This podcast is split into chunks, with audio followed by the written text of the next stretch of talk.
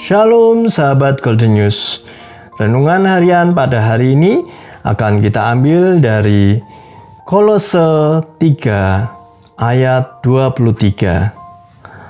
Apa pun juga yang kamu perbuat, perbuatlah dengan segenap hatimu, seperti untuk Tuhan dan bukan untuk manusia dalam kehidupan kita, tentu kita pernah mengalami yang namanya mendapatkan sebuah tugas.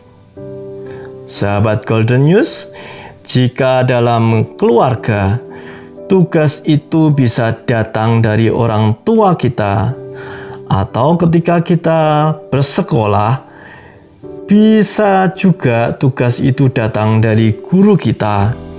Bahkan jika kita bekerja, maka tugas itu diberikan oleh pimpinan kita. Bisa saja kita berpikir untuk segera menyelesaikan atau menunda.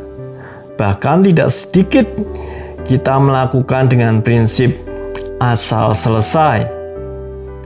Namun, ayat di atas mengingatkan kepada kita bahwa apa yang kita kerjakan, bahkan di sana dikatakan apa pun yang kamu perbuat. Hal ini menunjukkan segala hal, bukan hanya hal tertentu saja, namun semua hal harus dikerjakan dengan segenap hati.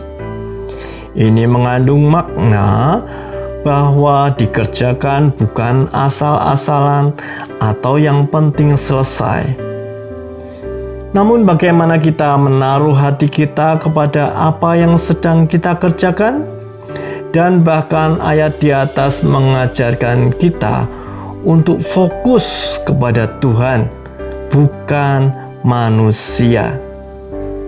Ketika kita menjalani usaha pun, fokuslah kepada Tuhan dan lakukan dengan caranya.